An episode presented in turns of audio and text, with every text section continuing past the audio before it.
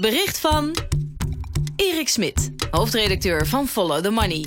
Het gaat goed met de economie. Wie de afgelopen week de homepage van het Centraal Bureau voor Statistiek bekeek, zag alleen maar vrolijke teksten.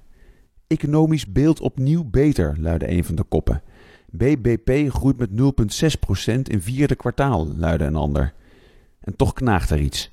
Het onbehagen dat veel mensen in de greep heeft, wordt door deze cijfers niet weggenomen.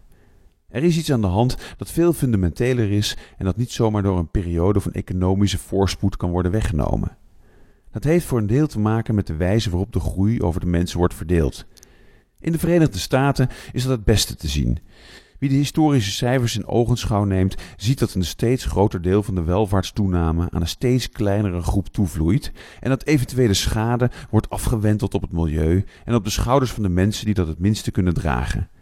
Dat patroon is overal in de westerse wereld waarneembaar. We zijn met z'n allen gaan geloven in een systeem dat stelt dat de mensheid vooral moet vertrouwen op markten. Die zouden ervoor zorgen dat iedereen krijgt wat hem of haar toekomt. Dat systeem kraakt in zijn voegen. We zijn nu bij een punt aangeland waar het oude dringend aan vervanging toe is. De verandering zal in mijn ogen van onderaf komen en persoonlijk heb ik er veel zin in om een bijdrage te leveren aan een nieuwe economie. De Sublime Berichten. Maandag tot en met vrijdag om half tien. Experts uit alle hoeken van de samenleving met een frisse kijk op de wereld.